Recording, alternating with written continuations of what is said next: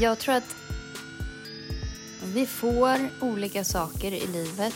Eh, det är ingen som någonsin kommer få en perfekt uppväxt. Det finns allt, vi människor behöver någonting att, att gnälla på. Alltså vi Ja, behöver särskilt om vi ska vara kreativa och... Ja, Eh, men vi behöver motstånd. Du vet att vissa saker har man på känn. Som, alltså, kalla det moderinstinkten. Han går ju in på det också, Gabor Maté. Uh, alltså på det instinkt. Jag vet att jag inte var där emotionellt. ja, men det är ju som Woody Allens kända uttalande där att jag blir inte arg, jag utvecklar cancer. Eh, staten vill hellre se oss som autonoma öar hellre än eh, liksom små byar där man har generationer som får, hjälper varandra och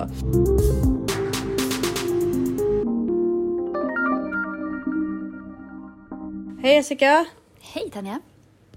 Vi har inte hunnit prata så här jättemycket innan podden idag utan vi kör igång eh, som det är så att få våra, våra lyssnare få höra hur det är med oss. Vill du börja? Eh, Hur det är med dig? jo, men det är bra. Eh, är det? Eh, ja, men det är bra. Tycker du att eh, det har gått fort det här? För att alla har sagt att nu i helgen så började verkligen hösten. Känner du samma eller har du, känner du att det har varit på gång för dig redan? Har du börjat liksom ställa om från sommaren till hösten? Mentalt? Ja, gud. Det var ju höstdagsjämning liksom. Verkligen. Nej, men det har men Jag Mm. gillar ju hösten, så att Mm. det, det är bra. Vad gillar du med hösten? Nej, men jag tycker så här härliga höstdagar. Dels tycker jag om färgerna och så, så när det är så här Mm. härliga höstdagar när det är så här krispigt och fräscht och så här. Det känns Mm. fräscht. Och vi har ju faktiskt varit ganska bortskämda med vädret nu. Det har inte Ja. varit så här regnigt och Gud.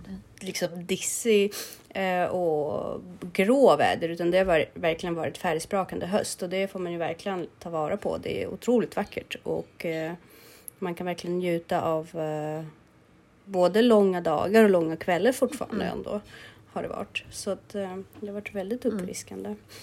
Eh, ja, ska vi säga varmt välkomna till Ansvarspodden. Ja, toppen. Vart du inte riktigt med på. Nej, men det, det blir bra. Det löser sig. Det löser sig.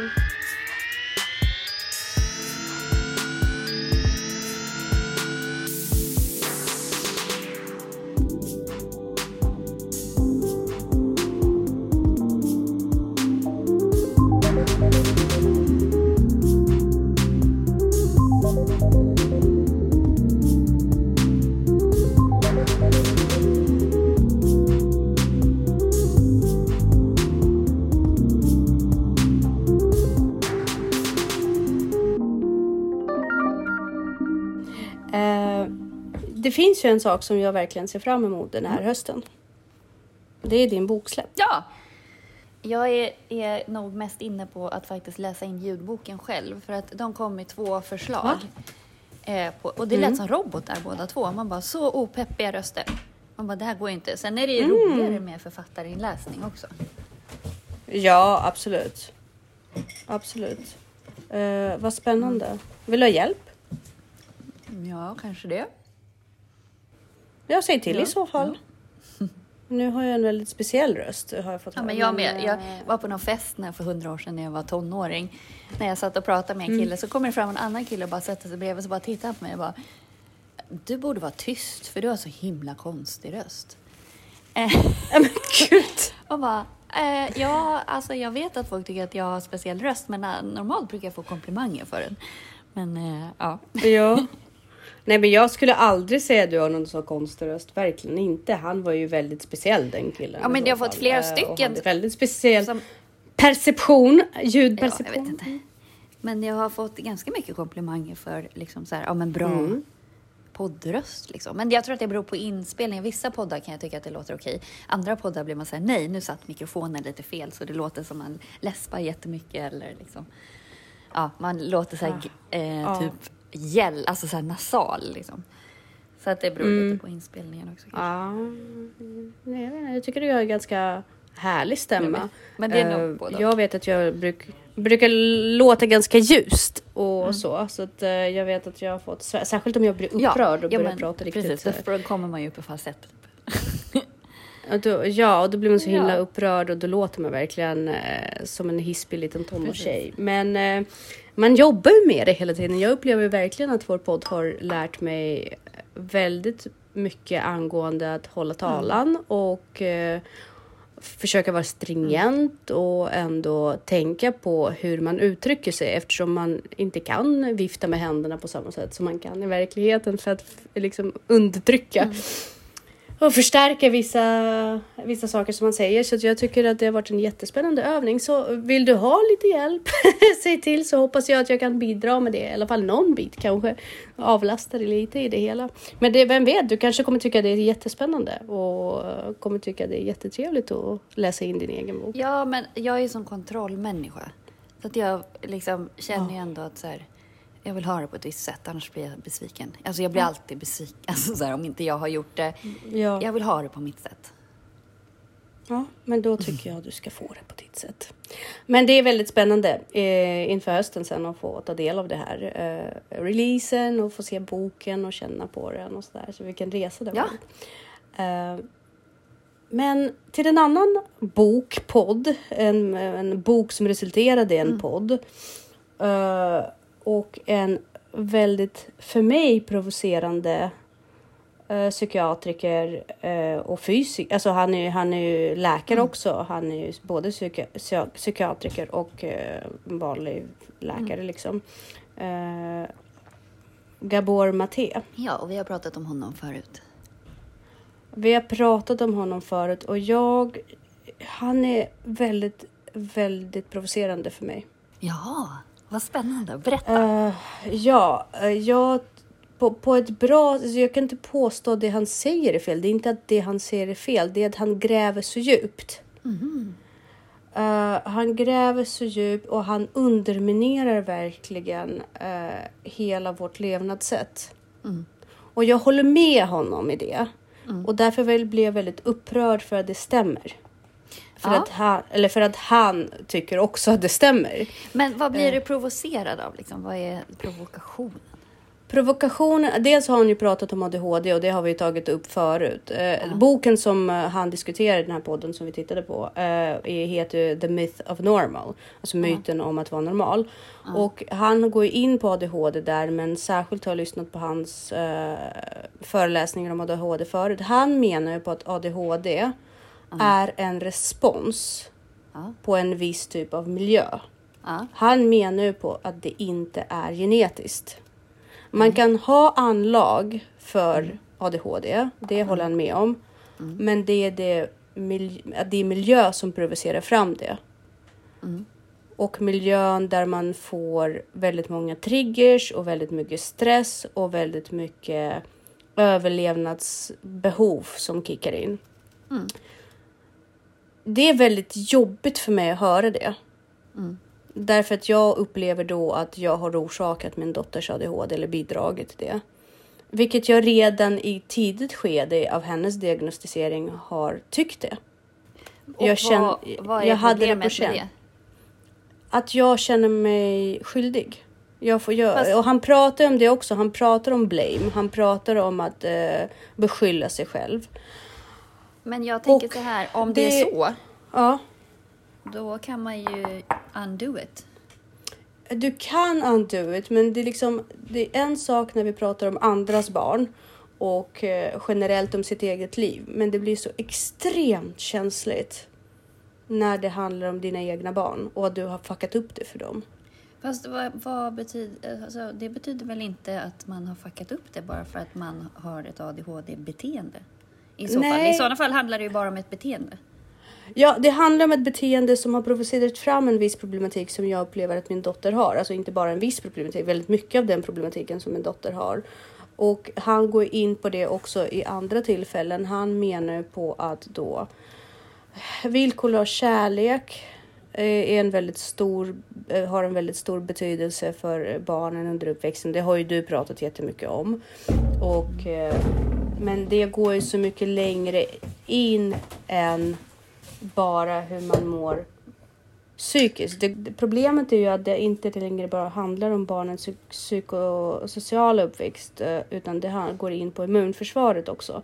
Så mycket av den här osäkerheten eh, och stressig miljö som man kan då råka utsätta sitt barn för mm. uh, i ovetskap eller för att man själv har blivit präglad på ett visst sätt gör också att man underminerar barnets chans att vara frisk senare i livet, även fysiskt.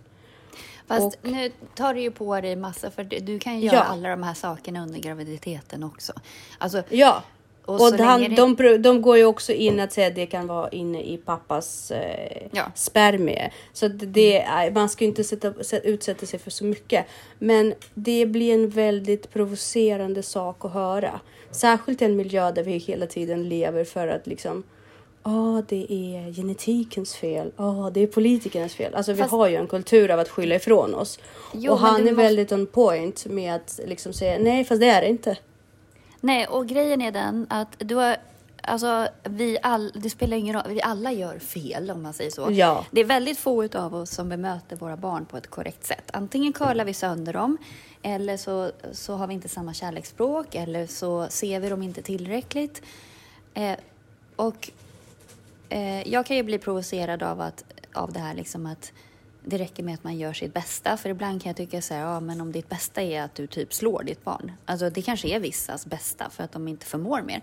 Då, då kan man inte säga så. Men, men så länge du är aktiv och engagerad i ditt föräldraskap och du har gjort att du har haft en plan som du har trott på.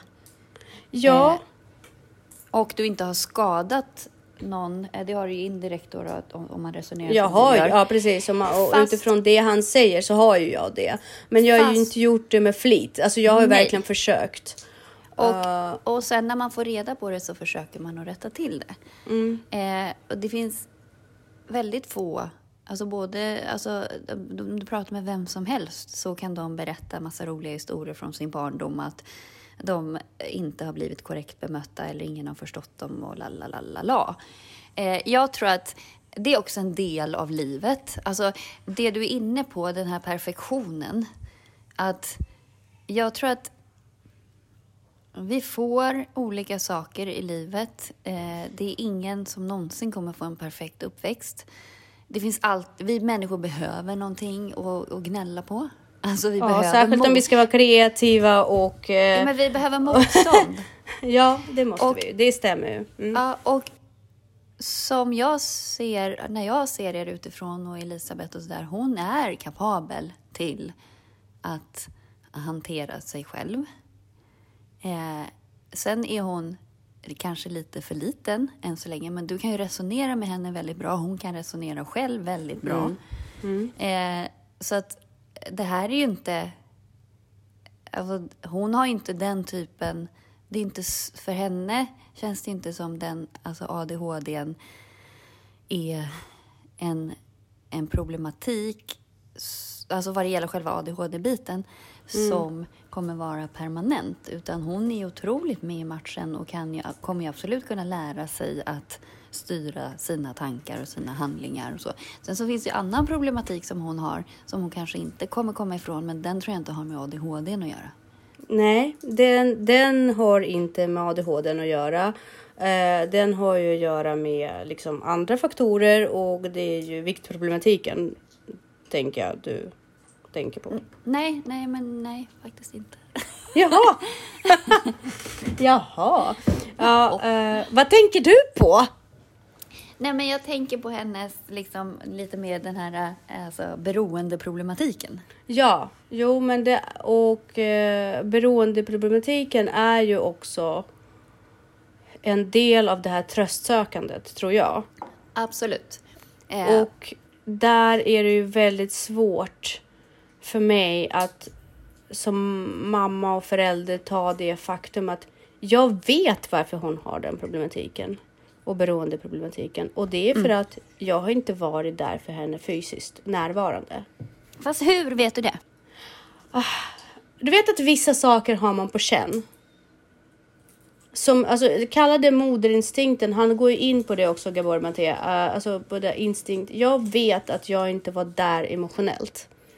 Det har att göra med min egen problematik. Jag var extremt uh, deprimerad, och, extremt deprimerad. Jo, men det jag finns massor både... av barn vars mödrar inte har varit där emotionellt. Ja, som, fast, det, alltså... jag har, ja, fast det, det, är mitt barn det handlar om. Så det, det, men det jag vill försöka säga är att lika mycket som jag tycker att han har rätt i väldigt mm. mycket, lika mycket är han den absolut jobbigaste psykiatrikern för mig att lyssna på.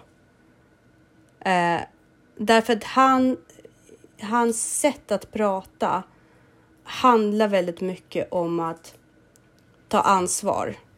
Absolut, men han är också Eh, löper ju inte hela linan ut, tycker jag, i vissa argument. Att han Nej, är antingen svart eller vitt. Att ja. här, antingen så bryr du dig inte om när ditt barn gråter, eller så mm. är du där direkt och plockar upp det och så ja. Och jag tycker att det finns olika typer av gråt också. Och olika ja. typer av utbrott. Och sen också, bara för att man inte är där och bara Åh, är du arg nu och stackars dig eller liksom så. Och, eller att man inte tolererar utbrottet så betyder inte det att man inte tolererar eh, känslan. Och där har ju du varit väldigt duktig. Att man liksom så här, jag förstår att du är arg, jag ser att du är arg. Men det är inte okej okay att liksom visa det på det här sättet som du visar just nu. Så att här måste vi jobba tillsammans. Och också ta ansvar för, så här, okay, när du var så där arg, och jobba med det. För att det, det funkar inte att du kastar stolar i klassrummet till exempel. Det går inte. Eh, vi måste hitta en annan, ett annat utlopp för, för det. Och där tycker jag att han är lite svartvit. Liksom. Att, det, är ja. inte, det är inte antingen eller. Eh, och det, jag tycker absolut att man måste sätta gränser. Mm. För han går in och kritiserar eh, Jordan Peterson. Ja. Eh, och säger att om en förälder läser Jordan Petersons bok och säger så här, mm. om du tycker inte om ditt eget barn, då kommer inte andra barn tycka om det heller. Om en förälder tar det i mm. beaktning och liksom mm. sätter sitt barn och bara, så här kan man inte bete sig, punkt. Här kan du sitta och mm. gråta tills du är redo att komma ut och bete dig som alla andra. Mm. Det kritiserar han ju för att han menar på att det, det visar barnet att man då eh, har villkor för att mm. acceptera den. Och det är det som är grundläggande eh, för eh, Mattias sätt att man kan absolut inte göra kärlek eh, vi, eh, fyllda villkor. Nej, och det har han ju rätt i. Ja, men det finns ju sätt. olika sätt att visa det på. Man kan fortfarande ja. säga att jag älskar dig, men jag älskar mm. inte det här beteendet. Nej. Och för att och vi, vi lever i ett samhälle med ja. andra människor, du går i en klass med andra barn som också har rätt mm. till undervisning till exempel. Mm. Eh, då krävs det att, att du ställer in dig i ledet. Sen mm. kan vi prata om varför du är arg och vilka dina behov är och vad du behöver och så.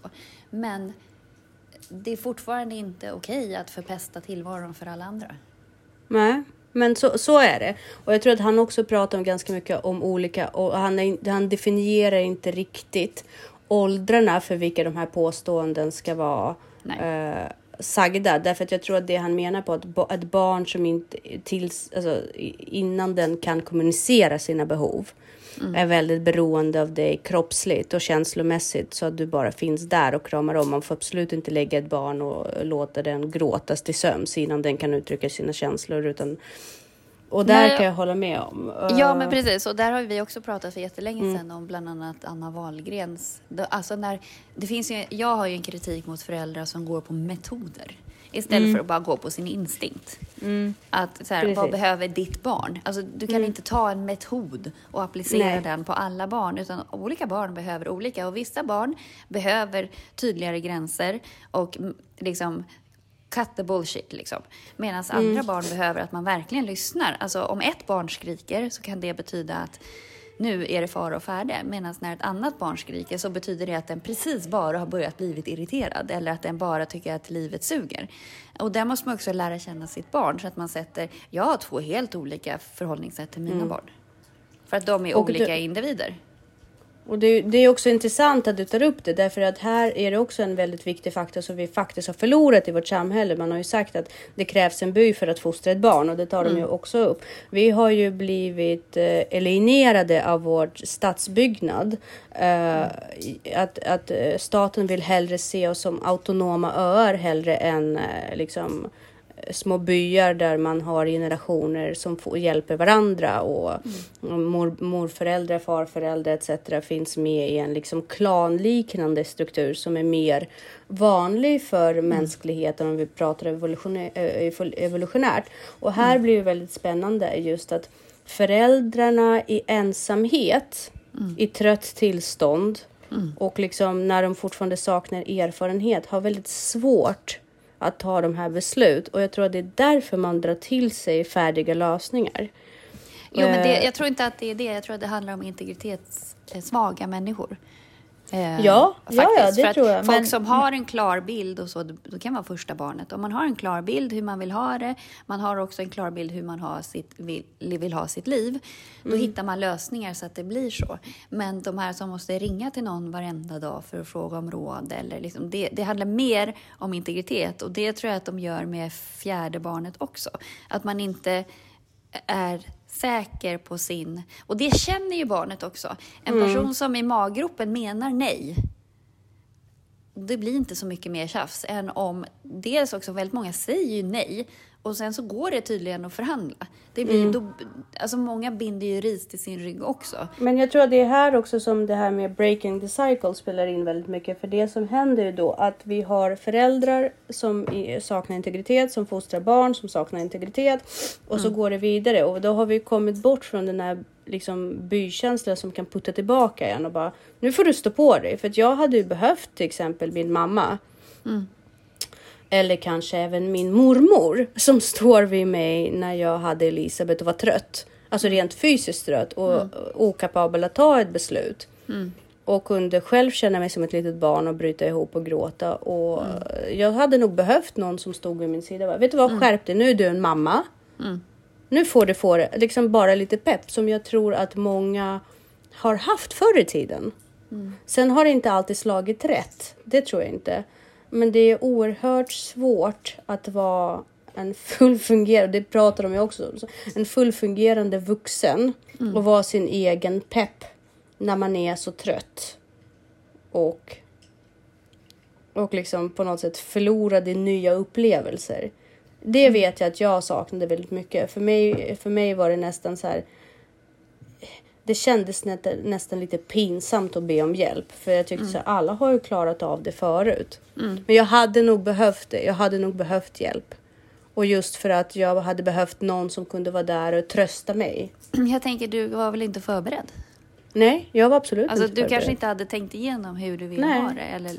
Jag hade är- tänkt vad jag ville ha. Men jag, men jag hade inte tänkt på att det skulle bli på ett annat sätt. Nej.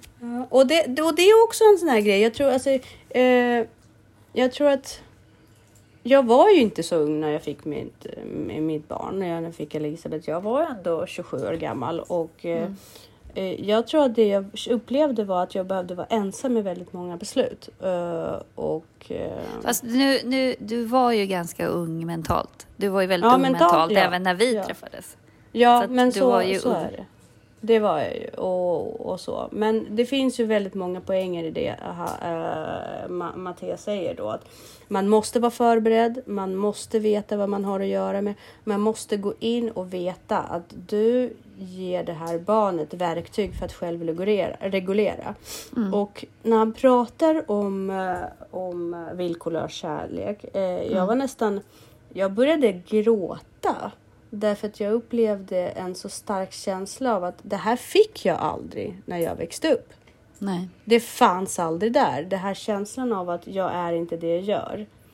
Det fanns inte där utan väldigt mycket var ju fyllda villkor. Det är det fortfarande. Och där tror jag är en väldigt viktig poäng att ett barn kommer aldrig kunna ha bra integritet och kunna sätta gränser om den hela tiden måste avväga Mm.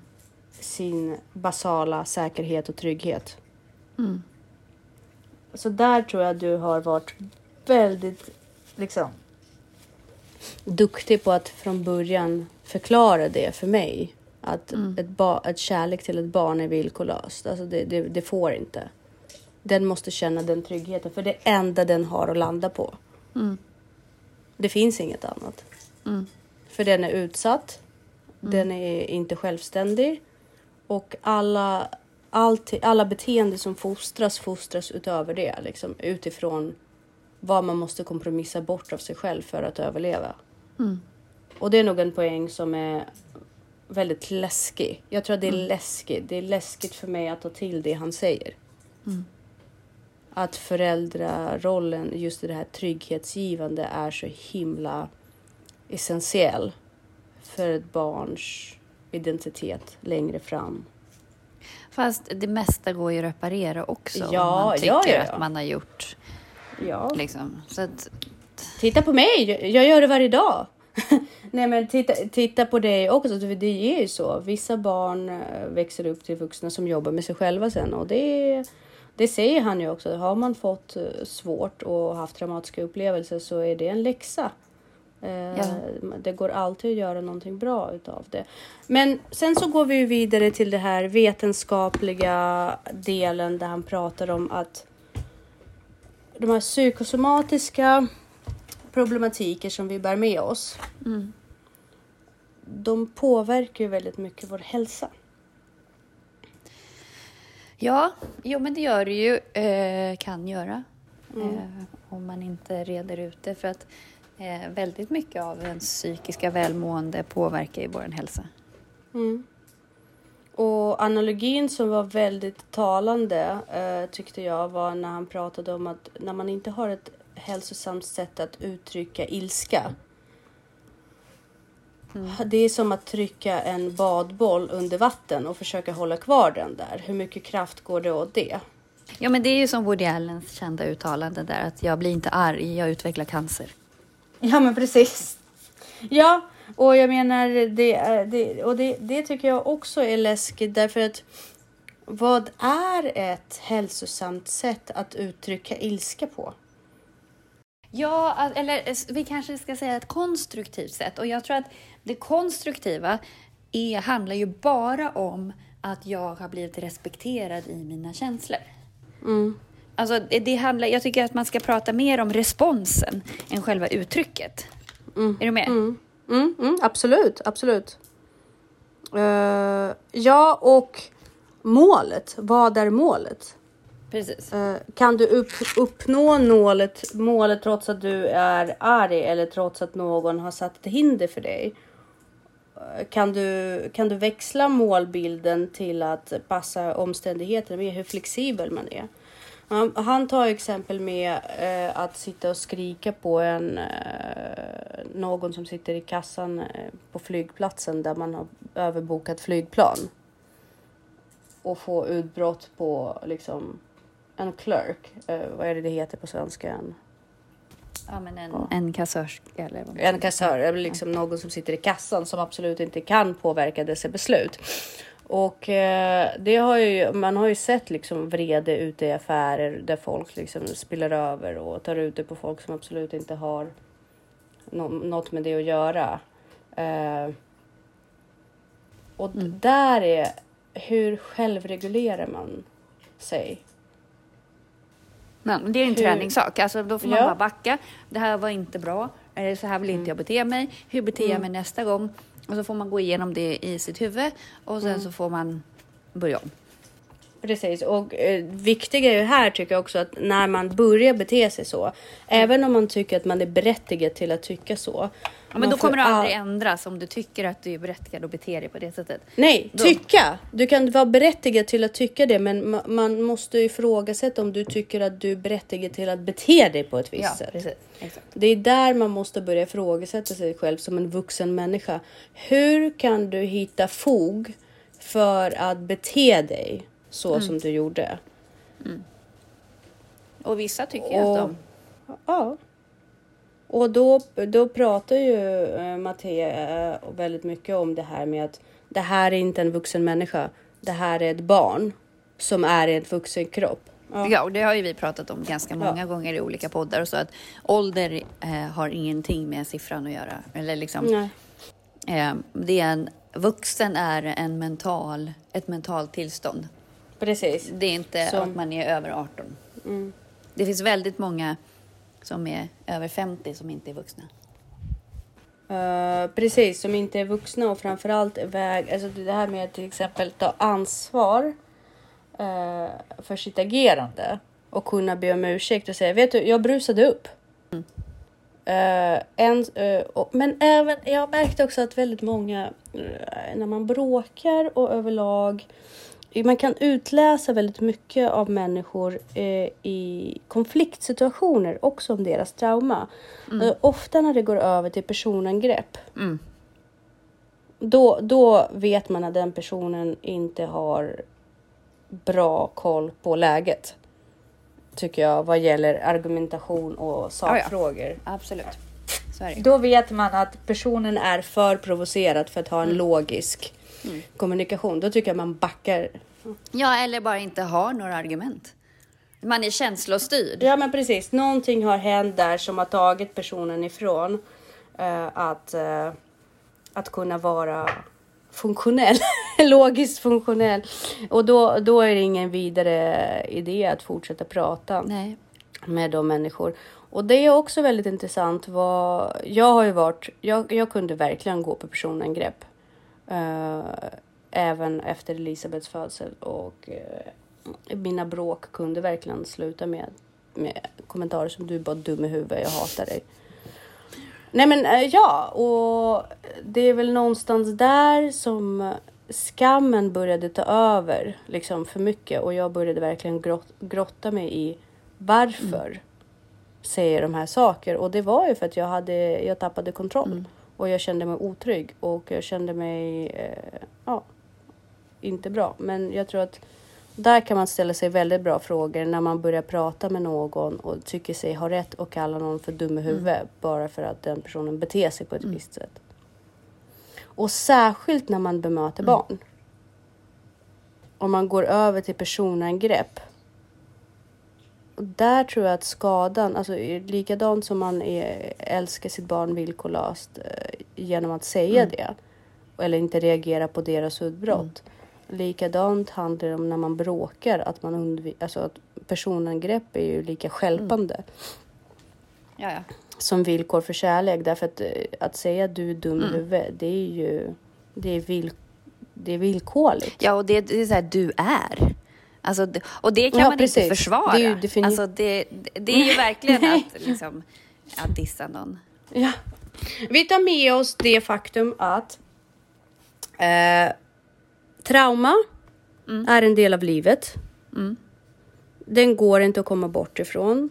Därför, däremot medvetenhet om trauma kan hjälpa dig att läka och även hjälpa dina barn att läka i efterhand.